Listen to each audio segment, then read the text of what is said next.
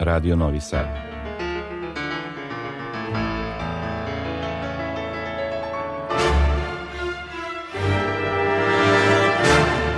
Domaća muzička scena.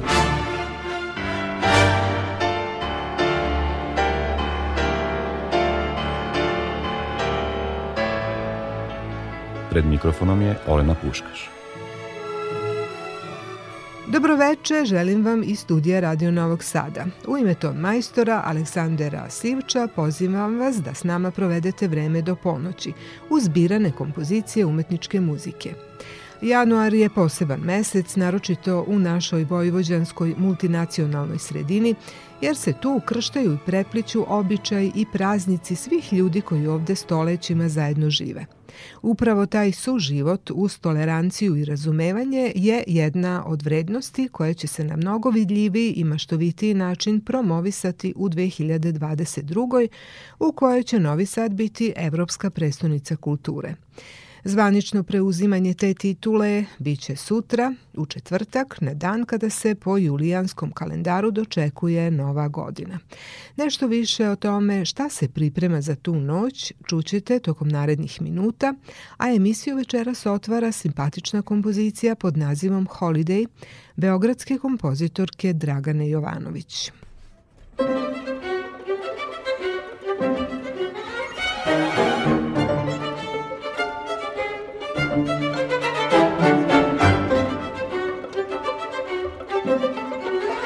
Thank you.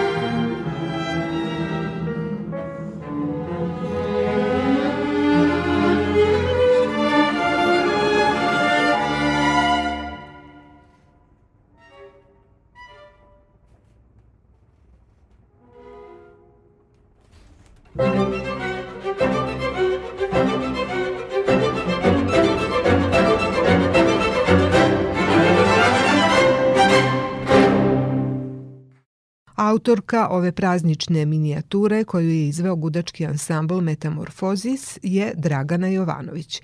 Razlog zašto smo baš njenom muzikom otvorili večerašnju emisiju jeste taj što je ona napisala muziku za spektakl pod nazivom Zeniteum, koji će 13. januara zvanično promovisati Novi Sad kao Evropsku prestonicu kulture. To je noć u kojoj se po julijanskom kalendaru dočekuje nova godina. Međutim, doček će ovoga puta biti sasvim drugačiji od uobičajenog. Zeniteum je naslov spektakla koji će simbolično početi u 20 i 22 na specijalno napravljenoj bini koja premošćuje bulevar Mihajla Pupina ispred zgrade Banovine u Novom Sadu. O ideji i simbolici tog spektakla govore reditelj Dragan Živadinov i domaćin projekta Lazar Jovanov. Zeniteum je pre svega slavlje, predstava svečanog otvorenja kulturne prestolnice Evrope 2022. godina. A šta je tema Zeniteuma? Znanost i umetnost. Brez akta znanosti i umetnosti svet ne postoji. U stvari to je vertikalizacija duha. Uzdizanje. Uzdizanje prema Zenitu. A ko su osnovne koordinate, ko su protagonisti tog slavlja? Dva su. Matematičarka Mileva Marić i matematičar Milutin Milanković. Što se tiče samog Zeniteuma kao svečanog otvaranja, e, Zenit je izražajno sredstvo, odnosno estetski metod, govorni jezik reditelja Dragane Živadinova, kome je zapravo centralna tema nauka, konkretno matematika, još konkretnije umetnost i kultura u slavu, u slavu nauke. Ove godine, upravo 2021. godine, se navršava 100 godina od nastanka pravca zenitizma. To je, neki bi to nazvali pravac, neki pokret, pa sada nekim našim modernim jezikom bi se moglo reći platforma koja je okupljala značajne ne samo domaće i, i, i jugoslovenske umetnike, nego velike umetnike evropske scene. Muzika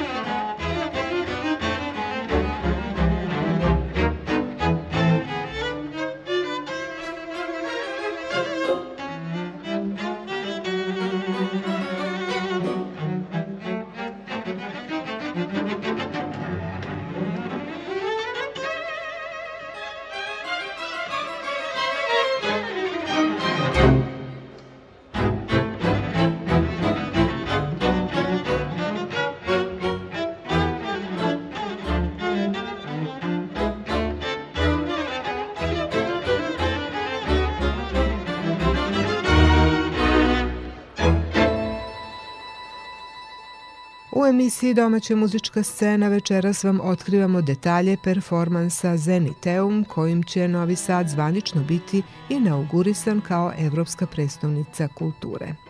Izjave koje ćete čuti preuzeli smo iz reklamnog spota organizatora, a tamo je istaknuto da je Zeniteum muzička, dramska i plesno-akrobatska simfonija koja će 13. januara u 2022 okupiti preko 60 izvođača ispred Banovine, arhitektonskog bisera Dragiše Brašovana.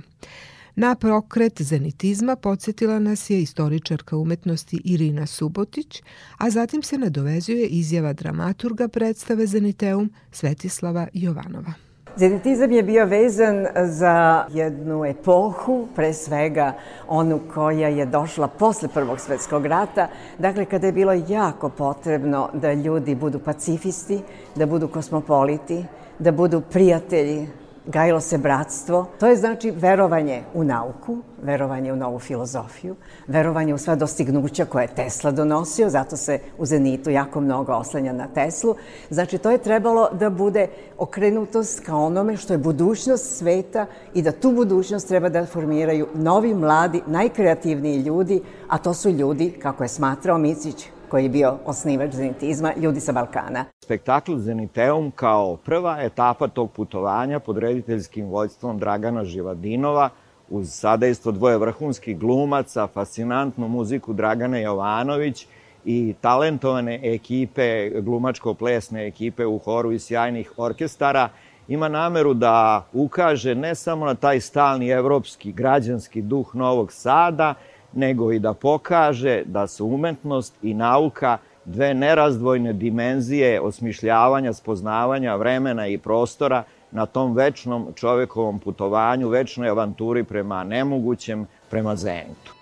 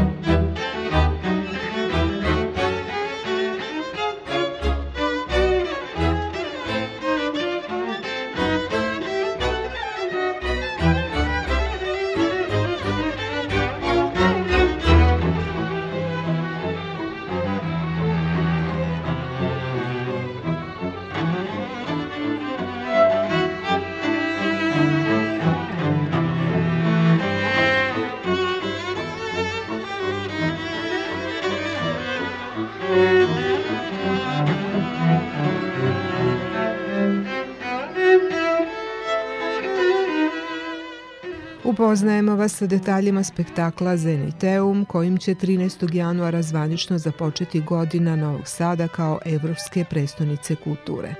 Uz to slušamo fragmente kompozicije Koncerto Dragoneze Dragana Jovanović. Ona je napisala specijalnu muziku za spektakl Zeniteum koju će izvoditi bras muzičari, a končerto Dragoneze napisala je pre nekoliko godina za proslavu 30-godišnjice našeg ansambla Kamerata Akademika i posvetila ga čelistima Ištvanu Vargi i Marku Miletiću, koji su na premijeri svirali solističke deonice. A sada da čujemo kako su dvoje članova glumačkog ansambla – Stefan Sabo i Jelena Đulvezan Milković nagovestili šta pripremaju i šta će publika videti u četvrtak ispred Banovine. Zaniteum je jel, kao neki vrh, vrhunac, neki, neki cilj kojem treba da težimo. I uh, ono će biti, uh, kako ja to doživljavam, neko, neki poziv, kao kulturni poziv svim građanima, svim prisutnima, svim učesnicima između ostalog, ovaj, E, poziv da se osveste, da se uzdignu, da vide da zapravo bez nauke i umetnosti i kulture e, čovečanstvo ne može da opstane, da postoji. Jer to su neke stvari koje čine naš život vrednim življenja i koje ulepšavaju našu svakodnevnicu. Mislim da je, da je najtačniji negde opis uh, u mom doživlju da je to neki spektakl. Uh, u smislu da je, da je to jedna od onih uh, performativnih izvođenja koja se dešavaju jednom i više nikada. Pre svega zato što više nikada u tom obimu, jer zahteva veliki broj publike, prosto takvog je koncepta, zahteva veliki prostor, zakre, zahteva e, nekako, e, neku preciznost u vremenu izvođenja i tako dalje. I mislim da je zbog toga, u tom smislu bih rekla da je spektakl, jer je nešto neponovljivo, nešto gabaritno, velikih razmera, e, sa puno glumaca, sa jakom glasnom muzikom, upečatljivom scenografijom.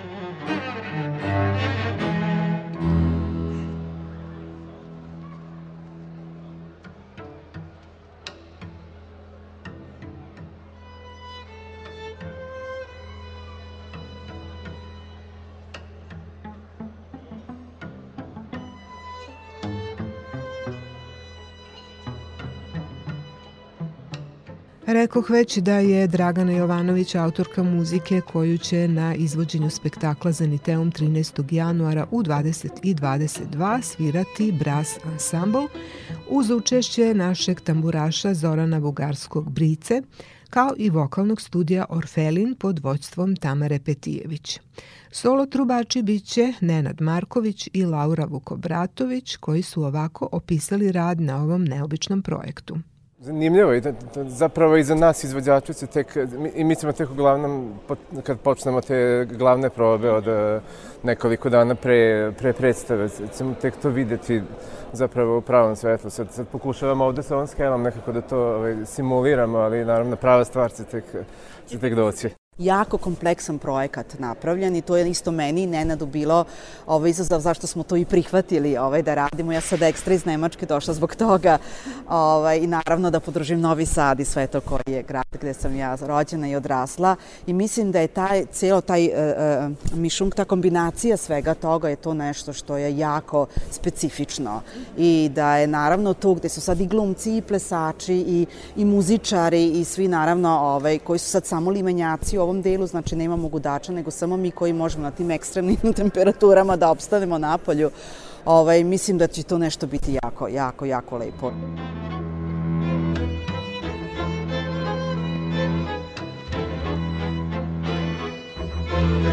Thank you.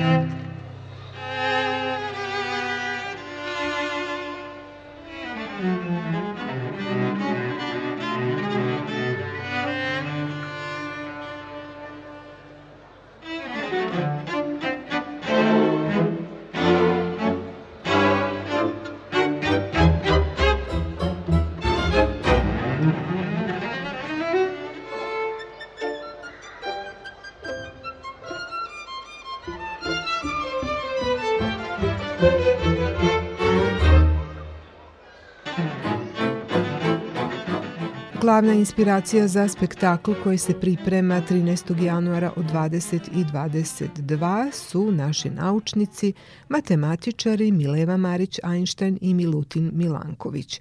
Njih tumače glumci Anita Mančić i Boris Isaković. Evo i njihovih izjava.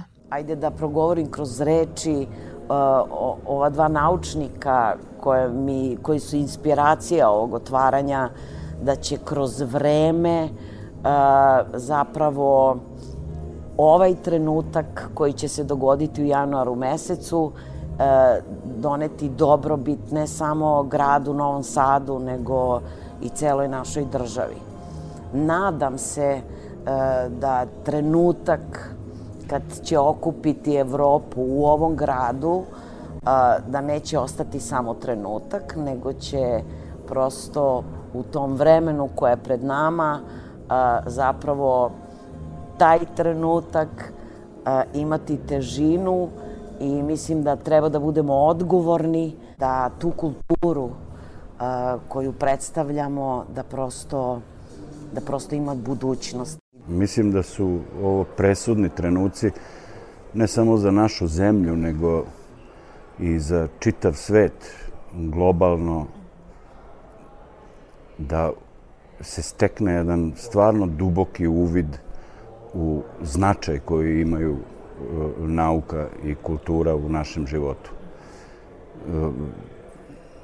svedoci smo stalnog zapravo odmicanja od te ideje i u, u, u, živimo nekako horizontalno, rekao bih. A ova predstava, teško je to nazvati predstavom.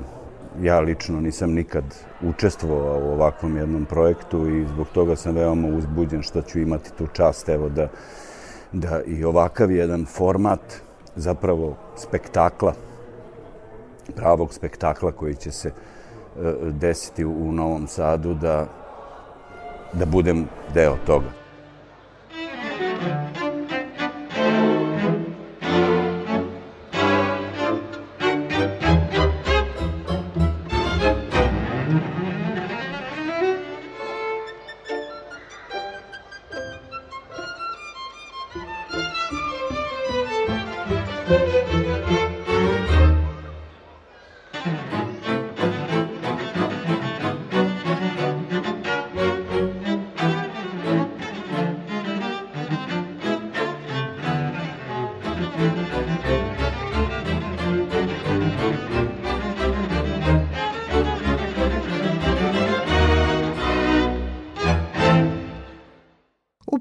toku emisije Domaća muzička scena predstavili smo najveći centralni događaj koji će se 13. januara odigrati na bulevaru Mihajla Pupina, a verovatno znate da će te noći biti raznih koncerata i muzičkih nastupa.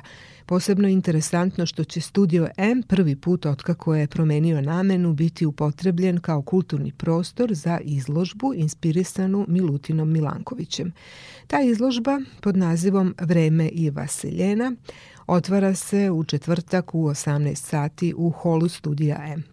Napominjem još da organizatori kažu da će se poštovati najnovije epidemiološke mere koje tada budu u skladu sa situacijom, a već je nagovešteno da će se smanjiti broj dešavanja koje su bila predviđene za izvođenje u zatvorenom prostoru.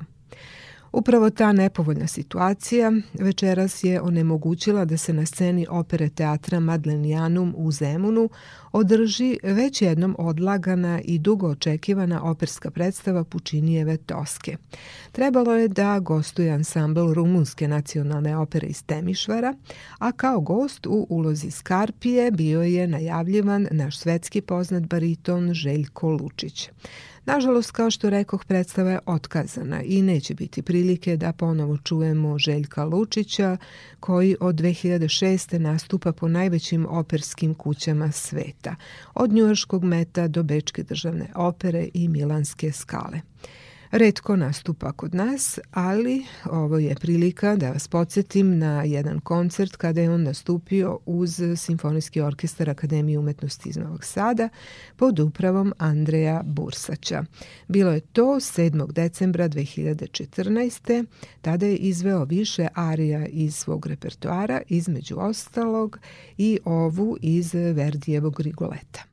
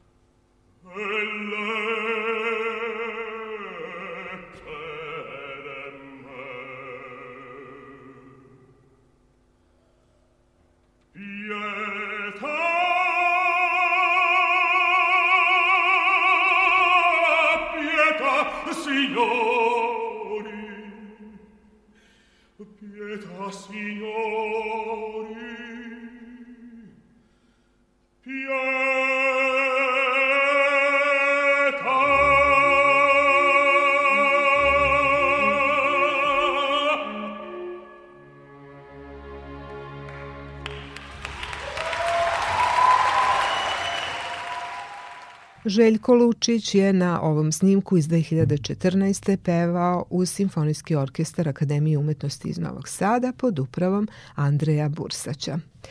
On je sada uzor i inspiracija mnogim mladim pevačima koji su krenuli njegovim stopama, a neki od njih su u decembru učestvovali na međunarodnom takmičenju koje nosi ime naše operske dive Vere Kovač-Vitkaj.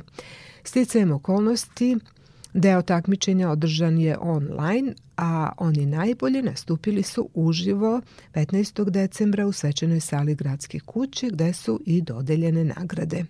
U narednim minutima predstavljamo vam pobednika. Strahinja Đokić je najnoviji dobitnik nagrade Grand Prix na međunarodnom takmičenju za mlade solo pevače Vera Kovač-Vitkaj. To je i neposredan povod za ovaj razgovor. Evo, Strahinja, ja verujem da ste ovih dana primili puno čestitki, ali je i prošlo dovoljno vremena da onako malo sa distance e, možete da gledate na ceo ovaj događaj i sve ono što se dešavalo na ovom takmičenju. Pa da, jesam primao čestitke i da, jeste prošlo dovoljno vremena, tako da, tako da sad neko utisci slegli. E, slali smo snimke online za kao tu nazovimo je eliminatornu, da, rundu i onda je taj koncert finalista bio bio u gradskoj kući i to je bilo live svi smo pevali dve stvari, ja mislim da, da, da, da, da su bili zahtevi. Jedno u stvari, pošto smo slali, ja za moju kategoriju, u stvari mi smo slali četiri arije i onda dve smo pevali u samogradskoj kući i to je to. da li je olakšavajuća okolnost pevati u nekom svom okruženju uh, E, među većinom ljudi koje poznajete, koji vas podržavaju ili to e, sa takmičenjem i nema veze? Uf, pa jeste, jeste s jedne strane da, jer kao su negde poznata lica, tu ne, lepa energija, ne. E, u publici je bila Senka Nedeljković, profesorka, ona, ja sam kod njega krenuo da učim salopevanje. Nije na mene dugo ni čula i tako, i to mi je bilo, mislim, to nekako, kako da kažem, na primjer, za to sam baš imao tremu. Mislim, kad sam nju video, kao nema veze takmičenja, ajde samo da ona bude zadovoljna. Da, to mi je bilo, na primjer, baš. Tako da, jeste, da, lepo kad su, kad su ljudi koje znate, ali opet neka, pa odgovornost neka, ne, kao da, da to ide na bolje, da, da to napreduje sve. Evo, takmičenje nosi uh, ime naše dugogodišnje primadone Vere Kovač-Vitka pa. i koja je bila i profesor na Akademiji umetnosti u Novom Sadu i evo iz njene klase uh, su i neki solisti ovde u Tako operi je. Srpskog narodnog pozorišta. Vi jeste mlađa generacija, ali da li ste imali neke kontakte i neki utisak o njoj kao umetnici i kao profesor? i ja sa profesorkom Verom nisam, lažem u stvari, jesam. Ja sam svirao jedan master klas na akademiji kad je ona radila u okviru Festa. Tako da ja jesam ne direktno radio s njom, ali, ali bio tu kad je ona držala nastavu. Pa mislim, divna je, kako da kažem, prvo energija koju, koju ima u, u, godinama u kojima jeste. Mislim da je već samo to vredno, vredno divljenja, a druga karijera koju ima iza sebe je, mislim, da. Vi ste vrlo specifični baš po toj svojoj boji glasa i po volumenu koji je vrlo u stvari eh, dragocen za, za opersko pevanje. A osim toga nekako se smatra da je na tim takmičenjima konkurencija među ženskim glasovima uvek eh, oštrija i veća nego među muškim glasovima. Pogotovo kad je bas u pitanju, oni su dosta traženi i dragocini. Da li je to i danas tako? Kako je vaše iskustvo sa konkurencijom?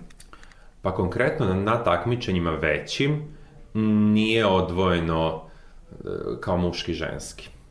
Tako da, tako da tu nema srećno ženama, ne znam šta da kažem, ima ih, ima ih zaista jako, jako mnogo više i, i, i onda i onda je to baš teško. Ali, na primer, znam, to mi drugarica pričala, ja sam bio šokiran tom činjenicom, da u Londonu na, za operski studio, na audiciji, I izašlo je 300 soprana. Zamislite, 300. Da. Dok je, na primjer, izašlo, ne znam, 30 base. Dobro, istina je da nini potražnja jednaka. Prosto treba više i, i, i, i, i u repertoaru ima mnogo više nosećih ženskih uloga za soprana nego za basa. Naslovnik pogotovo. Tako da mislim da ne postoji balans, ali mislim da je muškarcima u tom pogledu lakše. Kako su bila vaše iskustva na takmičenjima? Šta, šta smatrate nekim najvrednijim iskustvom do sada u negovanju glasa, školovanju i odrastanju? E, ja takmičenja ne volim i mislim da su neophodna, nažalost, ali to je tako stvar trenutka. Jer šta u suštini znači to što vi pobedite na nekom takmičenju? To znači da ste od svih koji su došli, vi neki ljudi su rekli da ste vi najbolji. I Mislim, Ali isto, često isto... je to odskočna daska. Da. Jeste, jeste, jeste, zato kažem da su neophodna, da, ali znam da je meni trebalo jako dugo da izgradim, e, kako da kažem, taj pristup tome da je to, da to nema veze sa mnom. Jer u bezbroj puta vi ispadnete u trećoj etapi. I šta onda? Onda kreće kao, ja, treba ja da se bavim ovim, mislim, kao, ljudi rekli da to nije dobro i teška su takmičenja.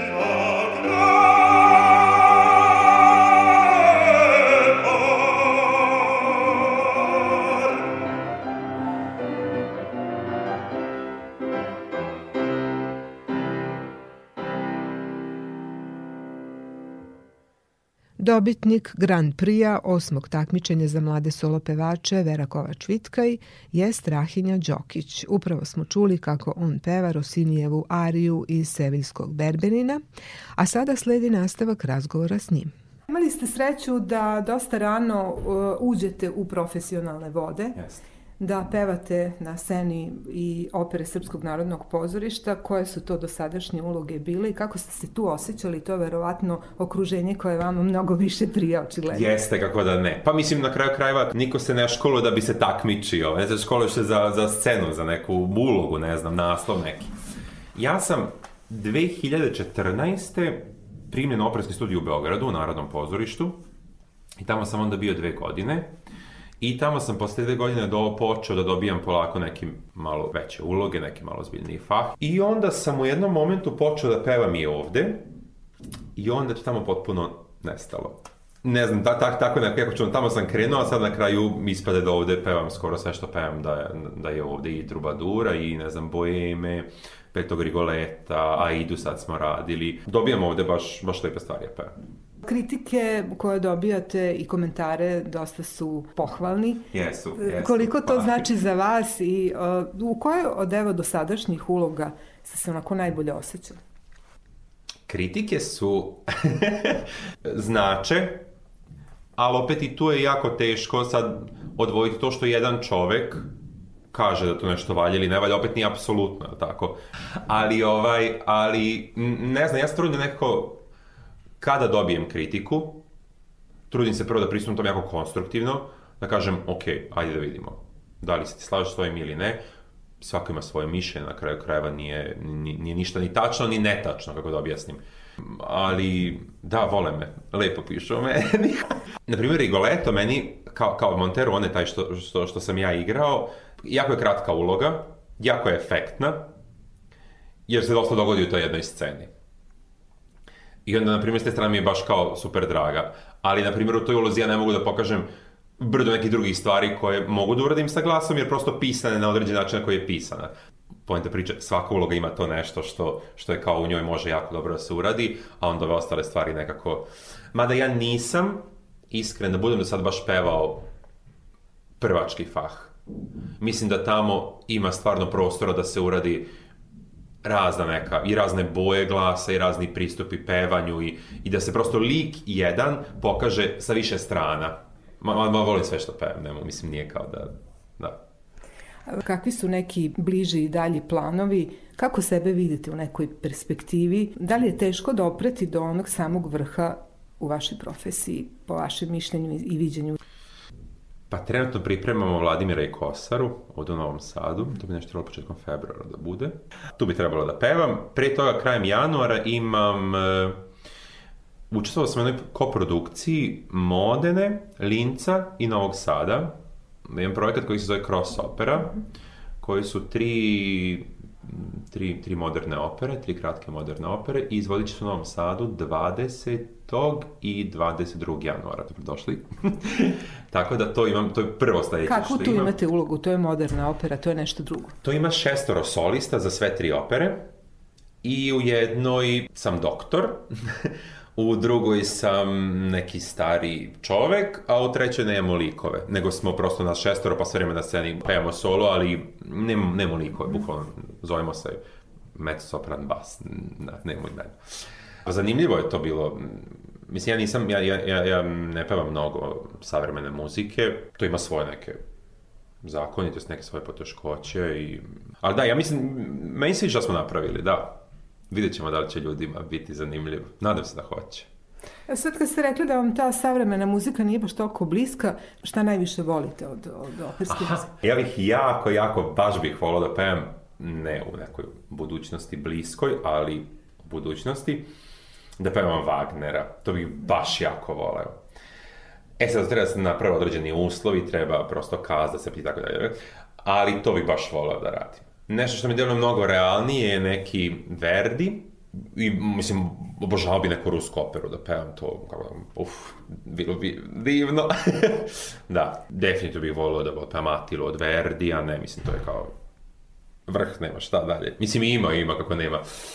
Ali, oj, ali Atila, pff, onda smo imali Boca Negra, mislim mi, mi imamo božanstvenih Verdijevih naslova koje je Don Carlo. I sad za kraj u da stvari jedno onako pitanje, Kako vi kao e, pripadnik mlađe generacije pred kojom je tek u stvari prava karijera gledate ne, na neku situaciju u operi u svetu? Šta je danas na ceni? Šta je presudno? Da li stvarno neki talent, Da li neka podrška? Kako vi to vidite iz, sa svoje tačke gledišta? Ima svega, to je, to je profesija kao i svaka druga. Svako ima neki svoj način na koji se, kako da kažem, krči svoj put i... A šta je presudno da bi neko dospio do vrha? Pa mislim da ne postoji jedna stvar. U stvari postoji upornost. Eto. Ako ne odustaneš, nešto ćeš napraviti. Mislim da ono što je do mene, ja treba da odradim. Znači ja treba da budem spreman sa ulogama, sa jezicima, sa, sa brdom nekih stvari koje prosto želim da uradim. Ako se potrefi prilika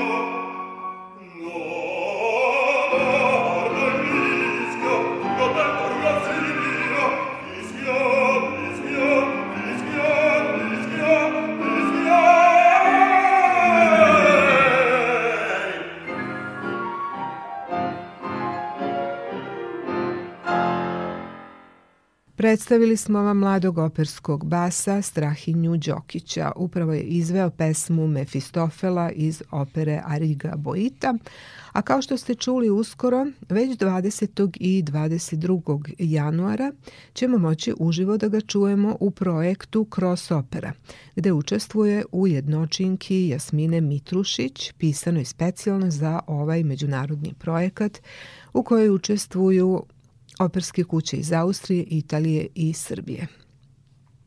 A u nastavku emisije domaća muzička scena koja do ponoći traje na talasima Radio Novog Sada, poslušat ćemo jedno savremeno delo za klavir i orkestar Aleksandra Simića. Delo ima naslov Zodijak i u Srbiji je premijerno izvedeno 2014. u okviru festivala Nomus, nakon što je prethodno izabrano na konkursu koji je raspisao Vojvođanski simfonijski orkestar za delo domaćeg autora koje će se naći na njihovom repertoaru. Kompozicija se približava modernoj publici okruženoj multimedijalnim uticajima.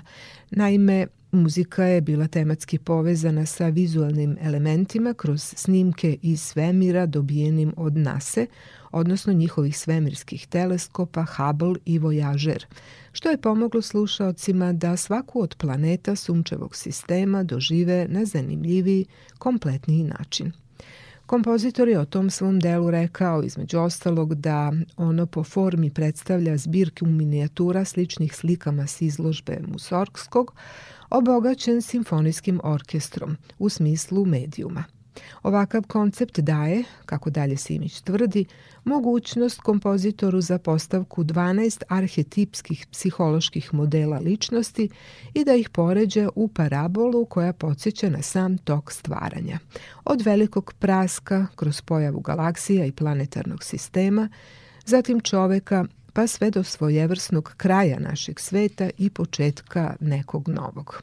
Znakovi u ovom ciklusu kompozicija poređani su od riba, koje uvode pojam i atmosferu beskrajnog kosmičkog okeana, do vodolije, koji kao jedan od sinkretičkih znakova savršeno igra ulogu finalnog stava. Kada je u pitanju izvođenje, posebno treba istaknuti kreaciju solističke deonice koju je ostvarila Rita Kinka – vrlo profesionalno, maštovito i pijanistički suvereno. Dakle, slušamo kako to zvuči na snimku naše tonsko-produkcijske ekipe. Vojvođanskim simfonijskim orkestrom diriguje Berislav Skenderović.